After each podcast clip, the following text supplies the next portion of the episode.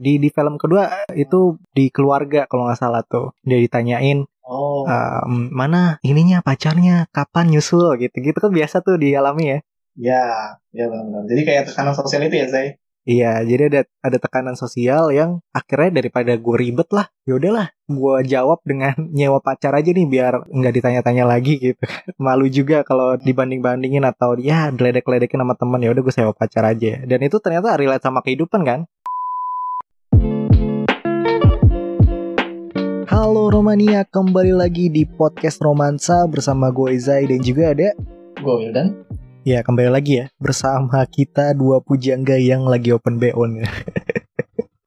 Astagfirullahaladzim, Zai. Ini udah mau puasa. Cobalah Iya. tahan dulu. Lah kenapa kan gue buka jasa dan bukan yang mesen. Oh, itu sampingan lu, Zai. Gitu lu sekarang ya. Boleh lah nanti kita minta admin IG podcast nih buat promosiin lu nih. Jadi Iya. nanti jasa lu akan ada nih di podcast romansa. Iya iya boleh lah boleh lah. Tapi soalnya gak laku nih dari kemarin dan. Enggak, enggak. Gini kita serius serius. Kenapa? Iya, kita iya, BO? Ya bercanda ya, gue gak buka jasa open BO tapi tapi nih kenapa kita pembukaannya tentang open BO? Jadi gue terinspirasi nih dari film Love for Sale yang ada jasa open BO pacar ya gitu atau pasangan bukan PSK dan Oh, arahnya ke sana. Oh, Iya. yang film ya yang Love for Sale. iya iya Enggak, enggak. Soalnya tadi karena lu openingnya open BO, nah itu pergeseran makna saya. Jadi maknanya negatif aja gitu. Kalau kita ngomongin itu. Ya padahal kan open BO tuh bisa apa aja dan booking lapangan futsal BO juga kan. Iya, mak dulu gue juga taunya itu. Booking order itu ya pelakar futsal. Iya iya. iya. Nanti kita balik lagi Zai ke yang Love for Sale. Kenapa? Iya. Kenapa dengan film Love for Sale-nya nih? Iya jadi eh, karena kita lagi ada di segmen Romanop ya, romansa pop dan kemarin adalah Hmm. tanggal 30 tepatnya 30 Maret adalah Hari Film Nasional. Jadi ini episode spesial dan Oke, iya. Jadi, nah, tapi apa kaitannya film ini nih? Film Love for Sale sama hari film? Iya ya, jadi kaitannya kan karena Hari Film Nasional. Pastinya kita pengen bahas film ya, jangan dari luar negeri lah, nggak nyambung kalau gitu kan. Berarti kita filmnya yaitu film Indonesia. Nah, Love for Sale kan salah satu film romance kali ya bisa dibilang ya, yang cukup unik gitu dan cukup laku lah di Indonesia dan banyak diomongin gitu ketika rilis gitu ya. Selain itu eh, ceritanya unik nih menurut gua nih ya,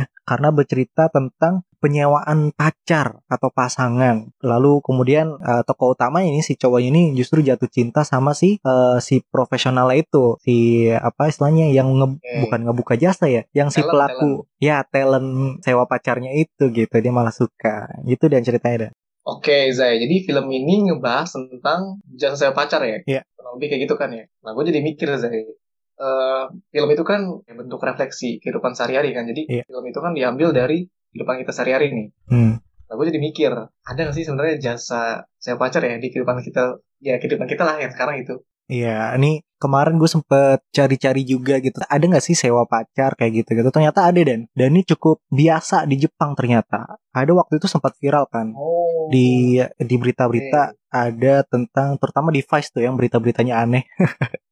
Berita tentang Oh, seorang iya, pria iya, iya. yang membuka jasa untuk menemani orang gitu, untuk ngobrol, untuk makan bareng ya. Mungkin tidak spesifik untuk pacar, tapi bisa juga dia disewa untuk uh, menjadi uh, sosok pacar gitu ya untuk berpura-pura. Dan ternyata nih ada juga di Jepang sewa pacar, terus sewa uh, tadi ya jasa teman ngobrol, sewa om-om gitu, sampai sewa uh, keluarga gitu. Itu itu macam-macam sih emang di Jepang Oh. itu ada aja ternyata. Oke, jadi kayak eh, temanya tuh emang ngejual jasa itu sewa menyewa orang sih. Jadi, Iya betul. teman kegiatannya gitu ya, Zai? Iya tergantung kegiatannya dan nanti Oh. si pemakai jasanya bisa milih gitu. Si orang yang disewa ini pengen jadi apa, apanya dia gitu.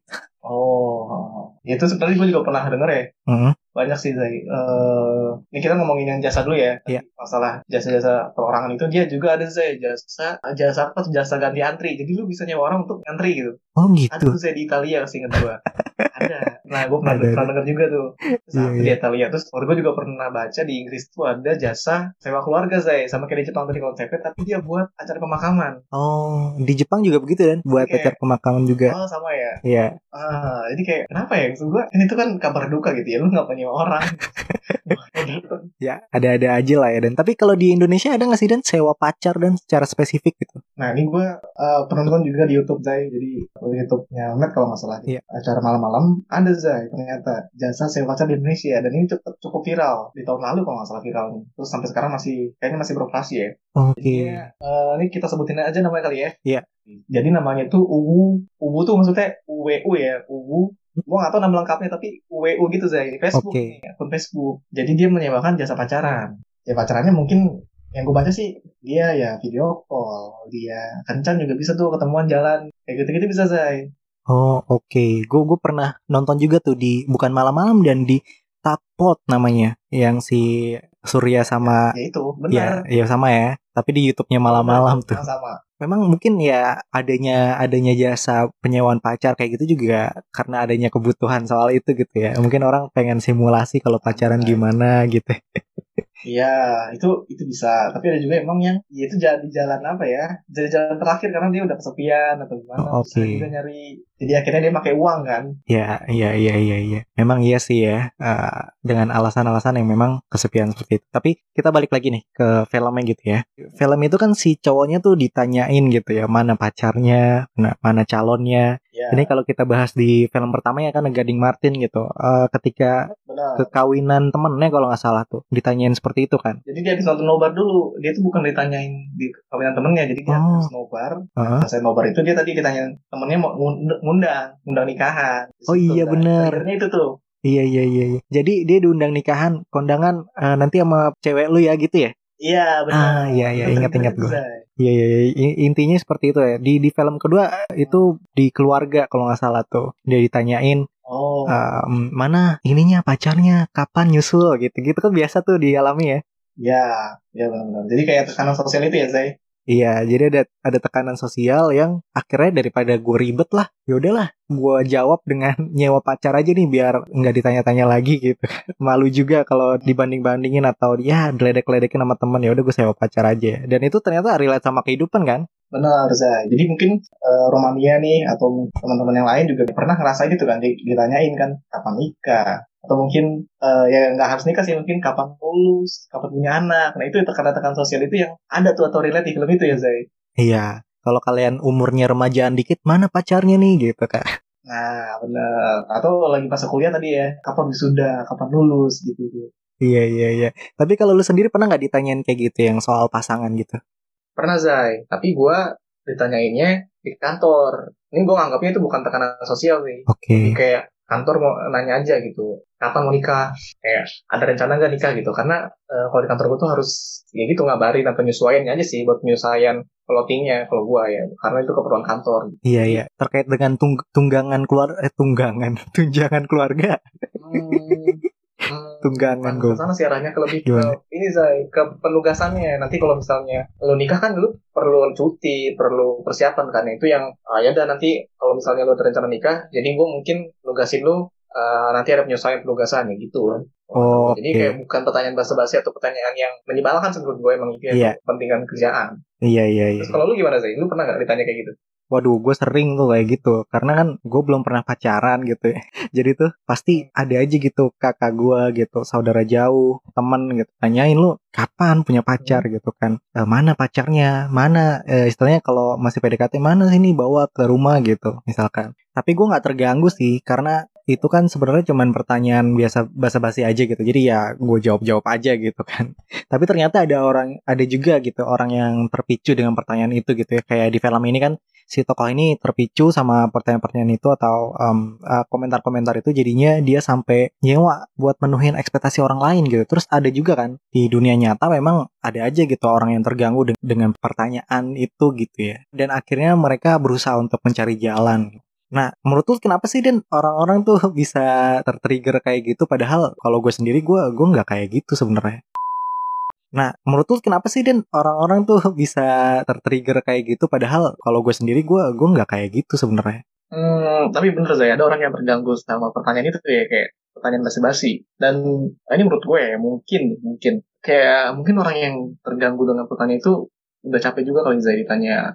Ya ditanya itu itu mulu gitu kayak apa sih ini orang nanya kapan lulus, kapan nikah, kapan punya anak? Itu kayak apa sih ini orang? Basi-basi banget pertanyaannya. Dan buat orang juga kayaknya itu privasi juga sih mungkin ya kayak ini orang bukan siapa-siapa kita terus nanyain nanyain kapan nikah itu Iya. ya anjir kan harusnya keluar gue aja gitu yang paling penting tahu gitu kayak lu siapa Iya, iya, iya. gitu. gue sih ngerasanya kayak gitu Kalau kalau gue sendiri sih ya jujur gue sih nggak merasa masalah dengan, dengan pertanyaan itu gitu. Menurut gue tuh basa-basi aja gitu. Kalau beruntung lagi lu bisa di di di apa dijodohin gitu.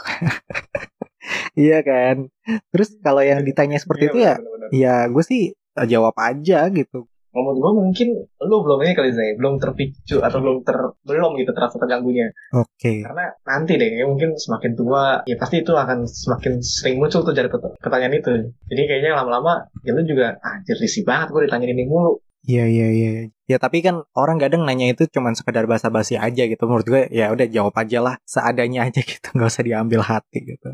Nah betul Zay, jadi emang sebenarnya ya santai aja sih gitu kadang nanggepinnya. Cuma kan kadang orang udah kepala kesel kali ya, jadi kayak ah males gue nanggepinnya. Tapi kalau gue Iya. emang, kalau ditanya itu ya jawab ngasal aja sih. Kalau gue kayak Oke. buat butuhin bu- apa ya buat ngerasa oh ya sebelum santai ya udah jawab asal aja gitu.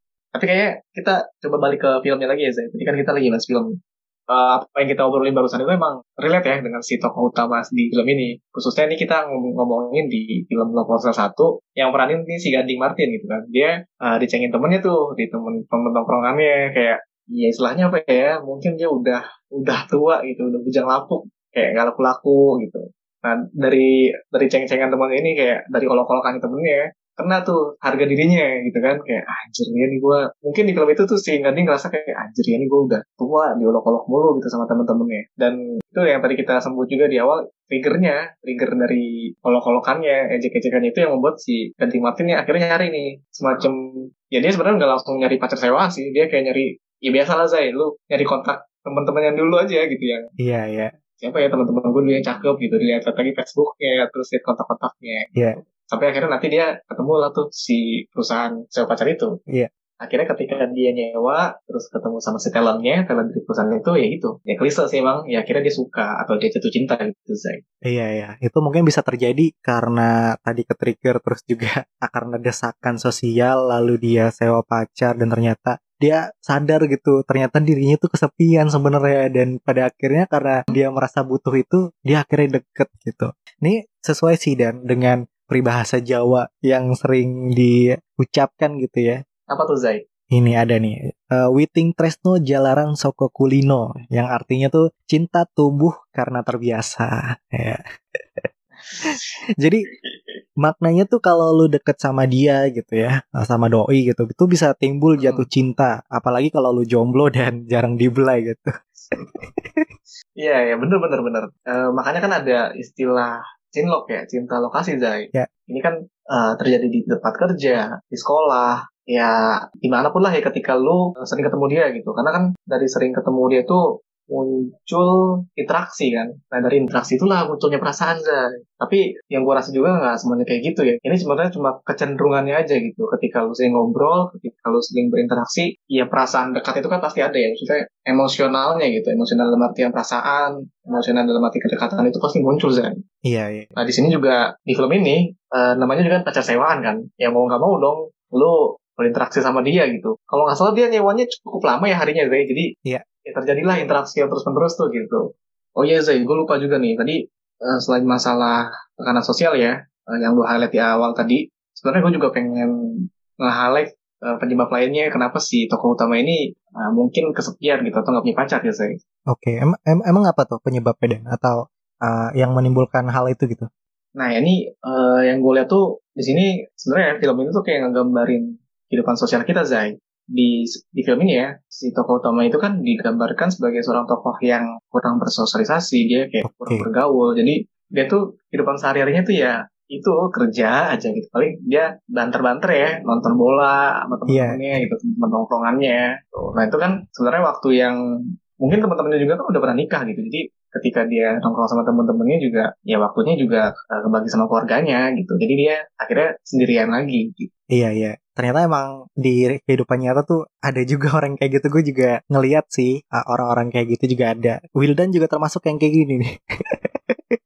Iya nggak Dan? Iya Zay, gue takutnya kayak iya bener, gue takutnya apa ya, ya, ya kayak gitu juga gitu. Sebenarnya bukan ketakutan besar sih, tapi emang ada kecenderungan ke sana gitu. Jadi kayak hidup lu ya kerja aja mulu, kayak sibuk buat kerja terus terus sama urusan kantor aja gitu. Sekarang kan teman-teman lu nggak lu maintain, teman-teman yeah. nggak lu ajak ya nongkrong gitu. Itu gue ada kecenderungan ke sana. Jadi kayak ya gue takutnya kayak, kayak gitu sih Zay.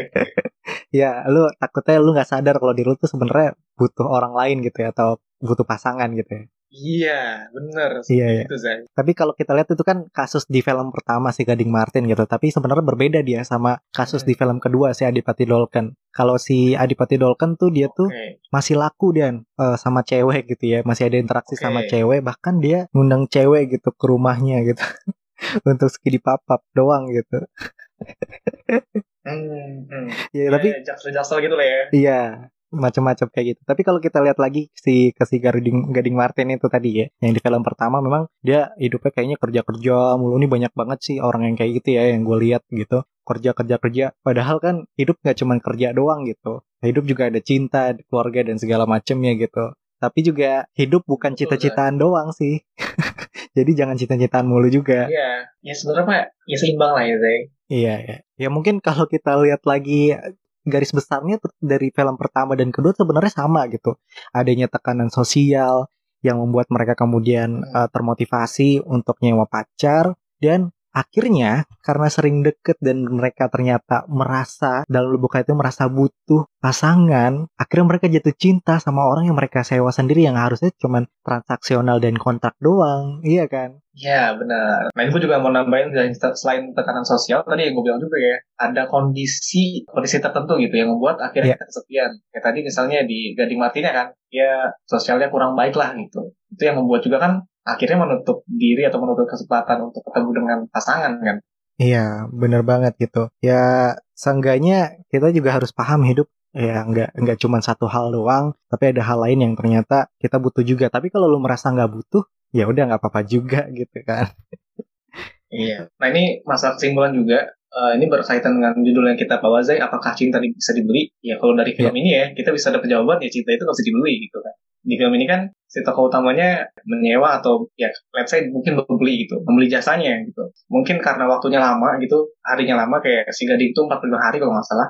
Ya itu tadi karena dia terbiasa untuk berinteraksi uh, ketemu adanya obrolan. Itu kan akhirnya jatuh hati lah dia pada seorang yang dia sewa itu kan si profesional itu si talentnya. Yeah. Terus pada satu titik uh, karena udah suka dan udah kebawa perasaan, ya dia berharap orang ini stay gitu. Dan ya nggak bisa pada akhirnya kan karena ya lu ngebeli jasanya gitu bukan bukan perasaannya yang lu beli jadi pada akhirnya uh, balik ke pertanyaan tadi ya nggak bisa dibeli sebenarnya perasaan itu jawabannya jelas ya cinta itu ya nggak bisa dibeli pada akhirnya si Riana atau Rini namanya kalau salah ya si cewek Arini. itu Arini si Arini itu ya pada iya. akhirnya cabut karena ya transaksinya selesai dan dia memang mencoba untuk profesional aja. Nah, setuju gue tuh. Oke, okay, mungkin itu aja kali ya obrolan kita kali ini. Uh, kalau kalian nih Romania gimana nih? Yang udah dengerin, apakah kalian orang yang sempet terpikirkan untuk nyewa pacar?